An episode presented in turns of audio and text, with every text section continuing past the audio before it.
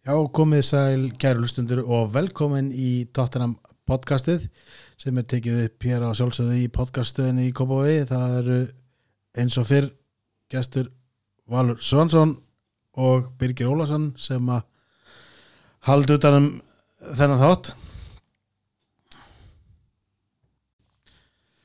Já, þá ætlum við að henda okkur í slúður og fréttaefnum Tottenham eh, síðustu daga það sem er mann hefur lesið helst í, í fréttum.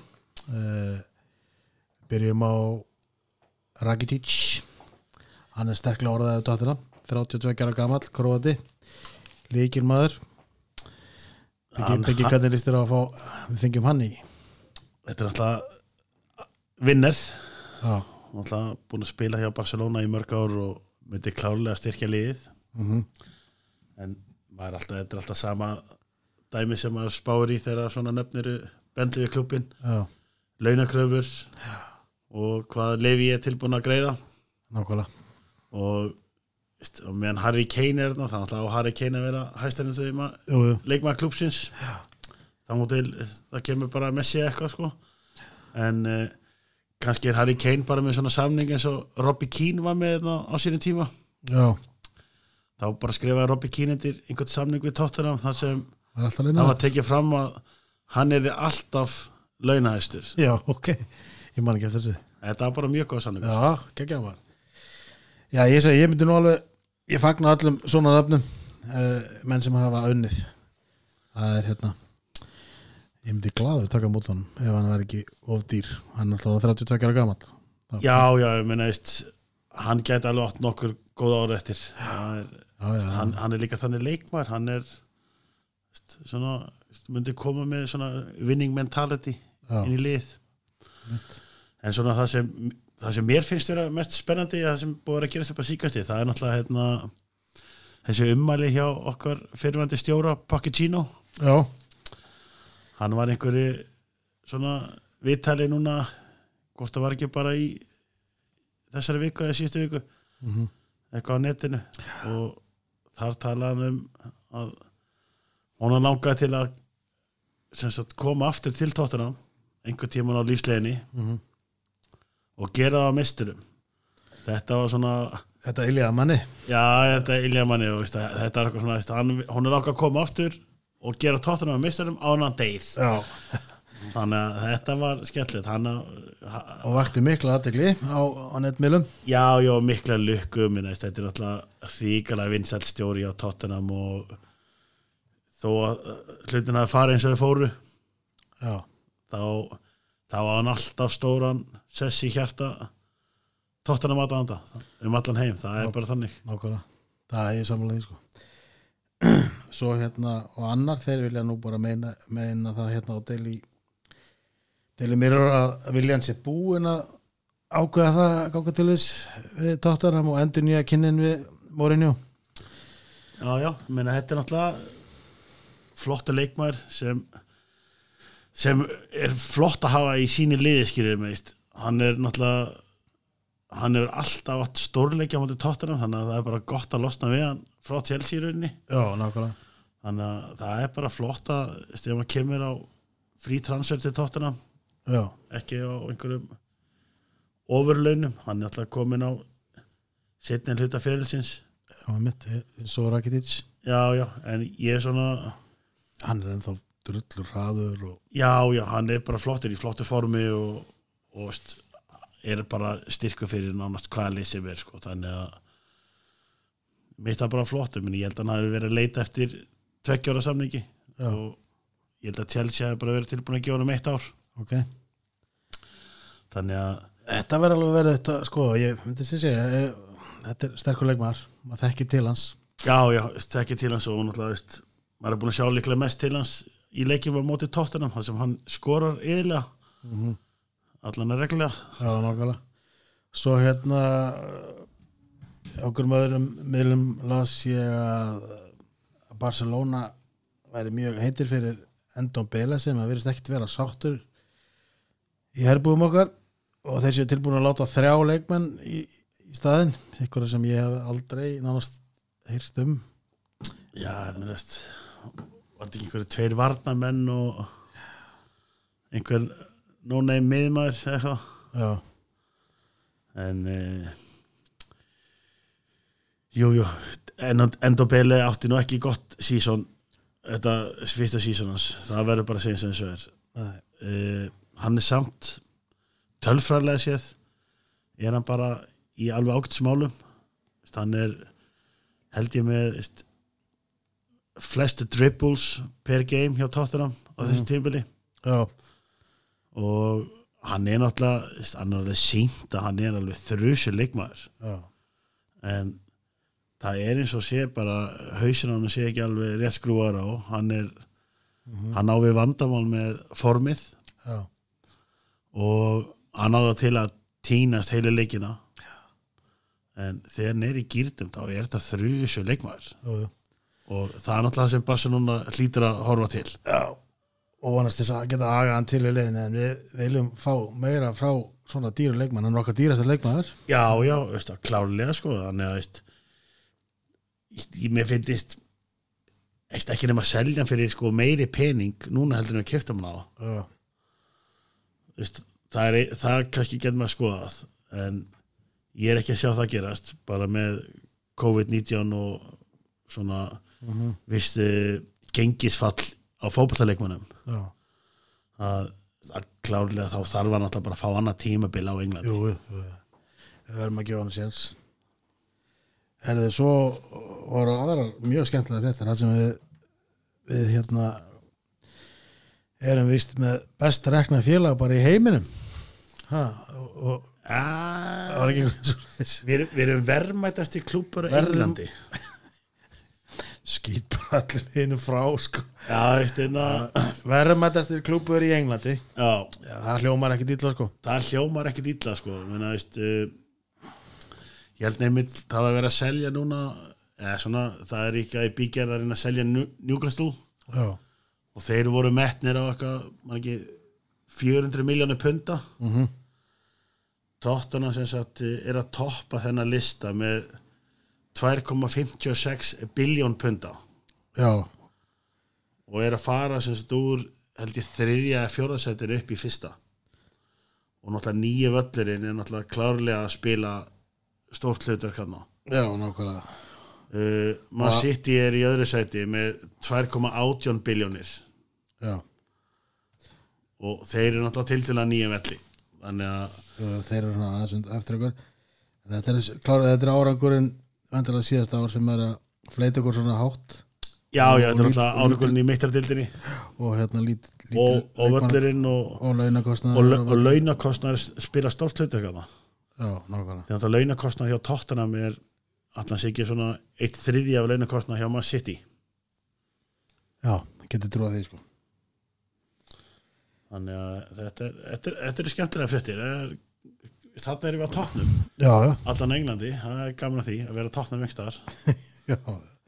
Ég var snöggur að posta þessu á Facebookina til þess að ögra félagum mínum en, en svo náttúrulega kemur að móti í þessu skýrjum við að að náttúrulega Tottenham er náttúrulega búin að gera tíara samningu við NFL já, þeir voru að byggja völlin mhm, og sem sagt eru búin að selja alls konar leiði út völlin fyrir alls konar viðbyrði og þar er náttúrulega COVID-19 að spila stert inn að tóttanum eftir að verða af mörgum, mörgum miljónum af pundum já. út af þessu það sem NFL til dæmis allar ekki að Fresta. taka leiki fyrir utan bandaríkin allan ekki á þess ári. Nei, og mjög ólíklegt að þá verði þá á þessu tímabili sem er að að fara að koma til tímabili í NFL mhm, það, að það verður mjög ólíklegt. Já, það sem þessir leikir oftast nær sem eru spilar erlendis það er London, það er Mexico og svona, það sem eru að kynna NFL já, þetta er oftast leikir sem eru spilaðir svona snemma á tímabilinu. Og uh, það er búið að aflýsa þessu. Og það er búið að aflýsa einhverjum tónleikum einhverjum stórtónleikum, Guns N' Roses maður rétt eitthvað saman til í júni og eitthvað. Já, ok. Og svo átti þess að hérna, aðal box boxgörinn frá Bretlandi hann átti að, að slást á nýja vellinum í held ég júni að júli já, ok. Hérna, Anthony Joshua heitir hann. Já, og það var náttúrulega svaka gig. Já, og það er búið að cancela slash fresta því sko. Mhm. þannig að þetta er náttúrulega bara uh, hvað maður að segja? Þetta er svona, já, þetta er miklu peningar. Þetta er miklu veist, og tóttina náttúrulega byggðina völl út frá því að gera hana samningu NFL annars væri náttúrulega ekki gerðugar að sundi vellinu. Nei, nei, nei, það er engin tilgangur í því. Við sáum hvað völlurinn fór svo illa völlurinn eftir leikin hann í fyrra. Sástu það ekki? Máltarsvæði og margar, margar vik já, já, ég meina, veist, þú ert að fara að leggja einhverja svona einhverja plötur á völlin skilur mig daginn fyrir tónleika og svo eru tónleikar með veist, 90 manns og Nákvæmlega svo er plötun teknar afskýri með grasin alltaf ekki búið að fá að anda bara í, í tvo daga þetta það var margir velli fara mjög Illa, út úr svona tónleikahaldi og eitthvað sko. Nákvæmlega. Svo sáum við Sonny okkar mann í fullin skrúða. Í herrklæðum hann hann er að ljúka herrskildinni í kóru og hérna þú þóttist nú alveg geta áttaðu strax að þetta væri hann? Já, já, maður þekkir hann á augunum sko. Já, hann er með þetta sérstök augu. Já, það hann að það er bara annars held ég að það sé ekki mikið meira mm, í slúrinu og fréttum vikunar eða á sísta að reyndar, ég, ég ánægð með ég lasa núna í, held ég bara í gæra hérna tóttina var sem sagt að hérna hef ég aftur viðræði við Super Jan. já, okay, mér Vert líst- Tongen sko, hann er alltaf með lausan samningi sumar. Já, ok, og þær viðræði voru búin að segla í strand. Já, en ég las það núna að það væri eitthvað aftur þegar var aftur að setjast að samningaborinu ok, og það var náttúrulega geggja að fá hann áframskilmi þó hann sé ekki lengur kannski besti leikmaður liðsins. Nei. þá er hann náttúrulega bara gríðilega mikið að held ég fyrir hópin já, klárlega sko. Og hann getur leist vinstri bakur hann getur leist uh, miðverðin og veist, hann er bara solid leikmaður sko. Ég er ánægð með það. Og hérna, það var eitt í uppbútt já, og ég sá að, já, held ég að var bara gæri eitthvað sem ég var að lesa það að Berbóta væri að hvetja Harry Kane þess að hann er enn á ný og vera að orða náttúrulega við United. Hann var hálf þreyttur á þessu. Já, já, og Berbatov og ég það ekki ég held að hann hafi sagt þetta áður sko. Ég held að Berbatov sé búin að segja þetta held ég bara hverju einasta ári síðustu þrjú ár. Já, ok, að uh, Harry Kane er að fara í stærra lið. En uh, kannski maður vona bara Harry Kane bara taki þetta Francesco Totti á þetta. Fyrir það væri náttúrulega bara draumur sko. Já. það, það, veist, taki Totti, Já. Steven Gerrard. Og veist, United Legendin hérna, Giggs og Scholes. Já, bara spili hjá sínu félagi út fyrir sko. og höfða bara gott. Já. Veist, hann var alltaf stór fiskur lítill í tjörn. Mm nákvæmlega. Og þannig að já, ég veit ekki, kannski veist, ef að þessi kemur þá þá takla manna bara þegar að þið kemur en þanga til þá er þetta bara menn að tala út í loftið sko. er það ekki? Svo var reyndar þetta að því að tala um verðtongin og leysa vinstri bakur en þá var sem sagt uh, þá var að vera sem sagt uh, nefn einhvern ungan pólskan vinstri bakverð sem tóttar með sem sagt í einhverju samkeppni við Barcelona um að já, kaupa kauða. Alveg rétt, alveg rétt þetta er vist Hörku Gaur 19 ára frá Legia Vorsjó já, spilaði einhverja 24 leiki í dildinni núna á þess tímpil þannig að hún var stöðuð og var komið með 6 eða 7 stóðsendingar sem er ok. heldur döflett fyrir visturbakvörð það sko. Þannig að hann er eitthvað svona sem er eh, á ratatum hjá Tottenham og fæst fyrir lítinn penning vist en ef Barcelona er líka að skoðan þá kannski verður það erfið held ég.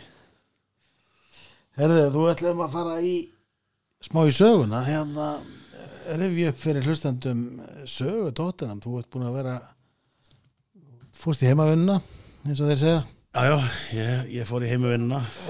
Fór hérna í alla Tottenham bækurnar og Já. netið og nákvæmlega. fór hans að fletta upp hérna og mér langaði svona í þessu podcasti hjá okkur að rúla hans yfir sögu Tottenham og já þeir hugsa mér svona þó kannski sé ekki í hverjum einasta þætti en uh, kannski að taka þá einn áratug fyrir já, og bara byrja núna bara frá stopnuninni mhm, sem var sem sagt 1882 já, þar sem Tottenham er stopnað og þetta var sem sagt klúburum að stopnaði bara af nokkrum skólastrákum þetta voru 13, 14, 15, 16 ára strákar. Mhm, og fremstur í flokki var englendingur að nafni Robert Buckle. Á svo tveimu vinni sínum. Og það er ekki til staðfestur stoppdagur nei, en þeir gefa upp sem sagt 5. september því að þá er sem sagt er tóttinum að borga eitthvað svona skráningagjald ok, í fyrsta skipti. 1882 Já. Og uppaflega þá hét klubburinn Hotspur Football Club. Mhm. en því var síðan uh, breytt í Tottenham Hotspur Football Club tveimur árum eftir stopnin eða 1884 ok, og þetta er alltaf bara að byrja sem ágamannaklubur bara einhverju gaurar að leika sér. En sagt varði ekki aturmannaklubur fyrir en eh, hvað, 13 árum setna Já. og þessi guttar sem eru þetta voru, eins og ég segi, þetta voru ungi strákar. Já, og það var engin aðstæðna í hverfinu og þeir bara voru að sagt, spila fótbolt á einhverjum graspölum í tóttana hverfinu Já. Og svo einhverjum graspala minnir að sé hérna e, hvað var það? Já, það var einhverjum hjá tóttana Marses þar var einhver graspali sem þeir hérna leikmyndi sjálfur bara mertu ok. Bara settu bara línurnar og, já, og mörk á völlin mhm, þá voru konum með völl og það var svona fyrsta skrifið og uh, sem sagt uh, svo þegar þeir voru að byrja að spila já, þá voru sem sagt uh, pubbarnir í hverfinu. Þeir voru notaði sem búnisherbyggi það er vel gert. Það er bara vel gert sko. Og sem sagt fyrsti leikurinn þeirra mhm, það var æfingarleikur við eitthvað lokalið sem hétt uh, Radicals. Ok, og þetta var leikur sem tapaðist 2-0 já, og þetta er sem sagt fyrsti skráði leikur Tottenham 30. september 1882 ok. Og náttúrulega vel við hæfi að aðal stopnandi Tottenham Robert Buckle var fyrirliði liðsins.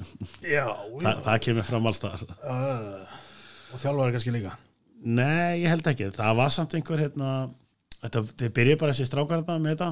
Mhm, en svo var sem sagt einhver eldri maður. Já, sem, sem sagt, kom eitthvað að félaginu stutt eftir stofnunina mhm, og svona hjálpaði þessum strákum að halda þess að lífi. Mhm, því að það voru rosalega mörg félag stofnuð á þessum tíma.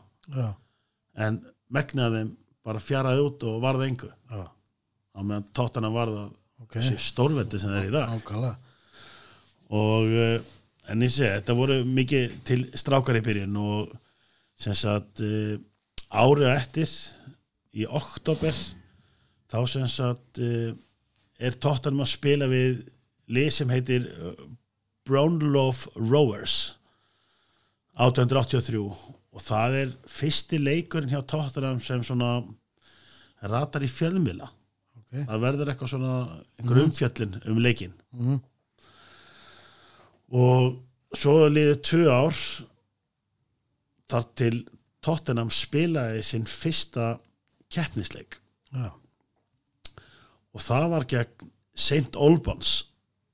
Ok. Ég veit gaman að því það sem ég bjó í næstu fjögur ár í St. Albans. Já, ok. Þetta er bara steinsnar frá já, London. Og þarna er mitt eh, ég bjó sem við göttu Freddy Canuti já, já þegar hann var í Tottenham. Og þetta var sem sagt í oktober 85 sem sagt 1885 já, og þetta var í hérna einhver æsispennandi byggakeppni sem knaspinu samband London Já, sem var að hétt ok. hélt. Og það voru 400 árundur og Tottenham vann leikinn 5-2 og það er svo sem voru ekkit sjögunni meira hvernig Tottenham gekk í þessari byggjarkeppni eftir þetta en Nei, kannski var þetta í snemmaði keppninni og, það er mitt, það er mitt en alltaf, og eins og ég nefndi á það sko, þá náttúrulega var liðið uppalega mjög ungt. Þetta voru bara krakkar margir hverjir. Mhm. þetta er ekki strákar sem eru í þriðja flokk í dag eitthvað. Já, og þeir voru bara að spila já, já, já, þannig að þetta gekk bröðsilega í byrjun. En svo sem sagt fór að tínast inn meira af fullþroska kallmönnum Mhm. Dóttarna voru döglegir að sækja sér leikmenn í önnur nágrannliðarna á svæðinu. Já. og þá náttúrulega styrtist liðið töluvert. Og mjög hratt þá jógst áhugi allra í hverfinu að tóttuna og sem dæmi þá sem sagt uh, gaf bara örfáum árum eftir hennan byggarleik fyrsta ofinbera leikin já.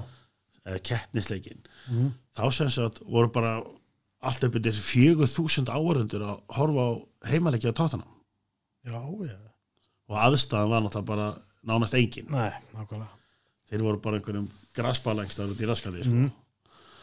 og sem sagt þá var bara orðið tíðanbært að það fara að flytja sig og það var sem sagt 1888 þá sem sagt flutti liðið sig af sem grasbala sem var þarna í Tottenham Marses og flutti sig til Northumberland Park.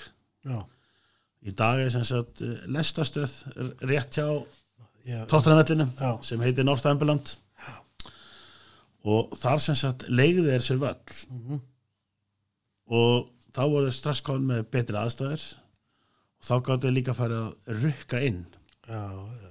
fá peningi kassan sem þeir gáttu ekki það þeir voru bara Nei, móa. maður sé bara fyrir sér einhvern línistrika völl á miklatúni sko. Og þúsund mann sko. Já, Þetta er meira heldur en að hérna á það voru Ísland einhverja hólar og hæðarinn í kringa eitthvað sko en Já, já, þetta er samt eldu öflugt. Og þetta er svona já, saga, sagan hafa vellinu sko en einna, svo náttúrulega setjum við fóruður á á vætallegin, koma því síðar. Já, og svo sem sagt hérna, í uppæfi þá var sem sagt eh, varandi keppnist treyjuna já, hérna, dökk bláa, blái liturinn hann hefur verið viðlóðandi tóttunum mhm, alveg frá uppæfi ok. Sem sagt þessi navy blue.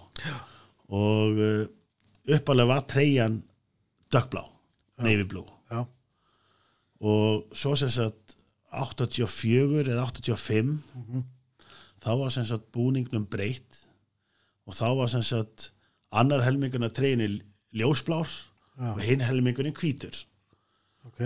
Og þetta er sem sagt búningurinn sem var henni endurgerður Já, í tilefna 125 ára ammalinu Akkurat. 2007 Man, þetta er alveg Þannig fræga leiknum á Aston Villa. Já, og uh, en svo eftir þetta þá næstu ár 86, 7, 8 þá átti búningur eftir að breytast öll árin.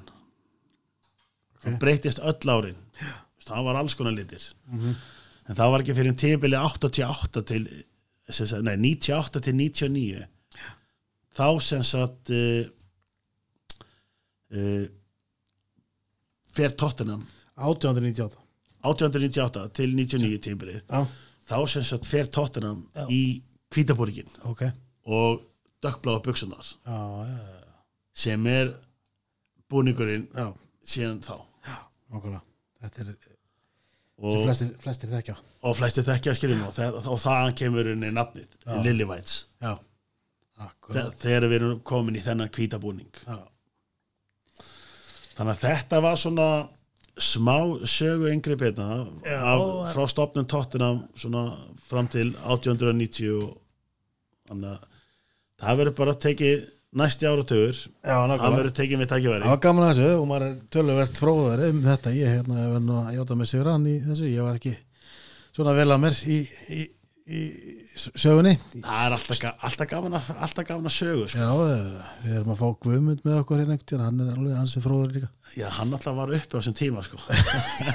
1882 hann, Herðu- hann er algjör sögukall sko. Já, já, það er, hann kann söguna maður Ég, hérna, er, Við tökum hann pottet inn einhvern tíðan, það er virkilega gaman að- og fróðlegt að hlusta á hans pisla okkarlega maður. Herðu, þá þökkum við eh, Birgir Ólarsson og Gestur Valur Svansson fyrir sig í dag.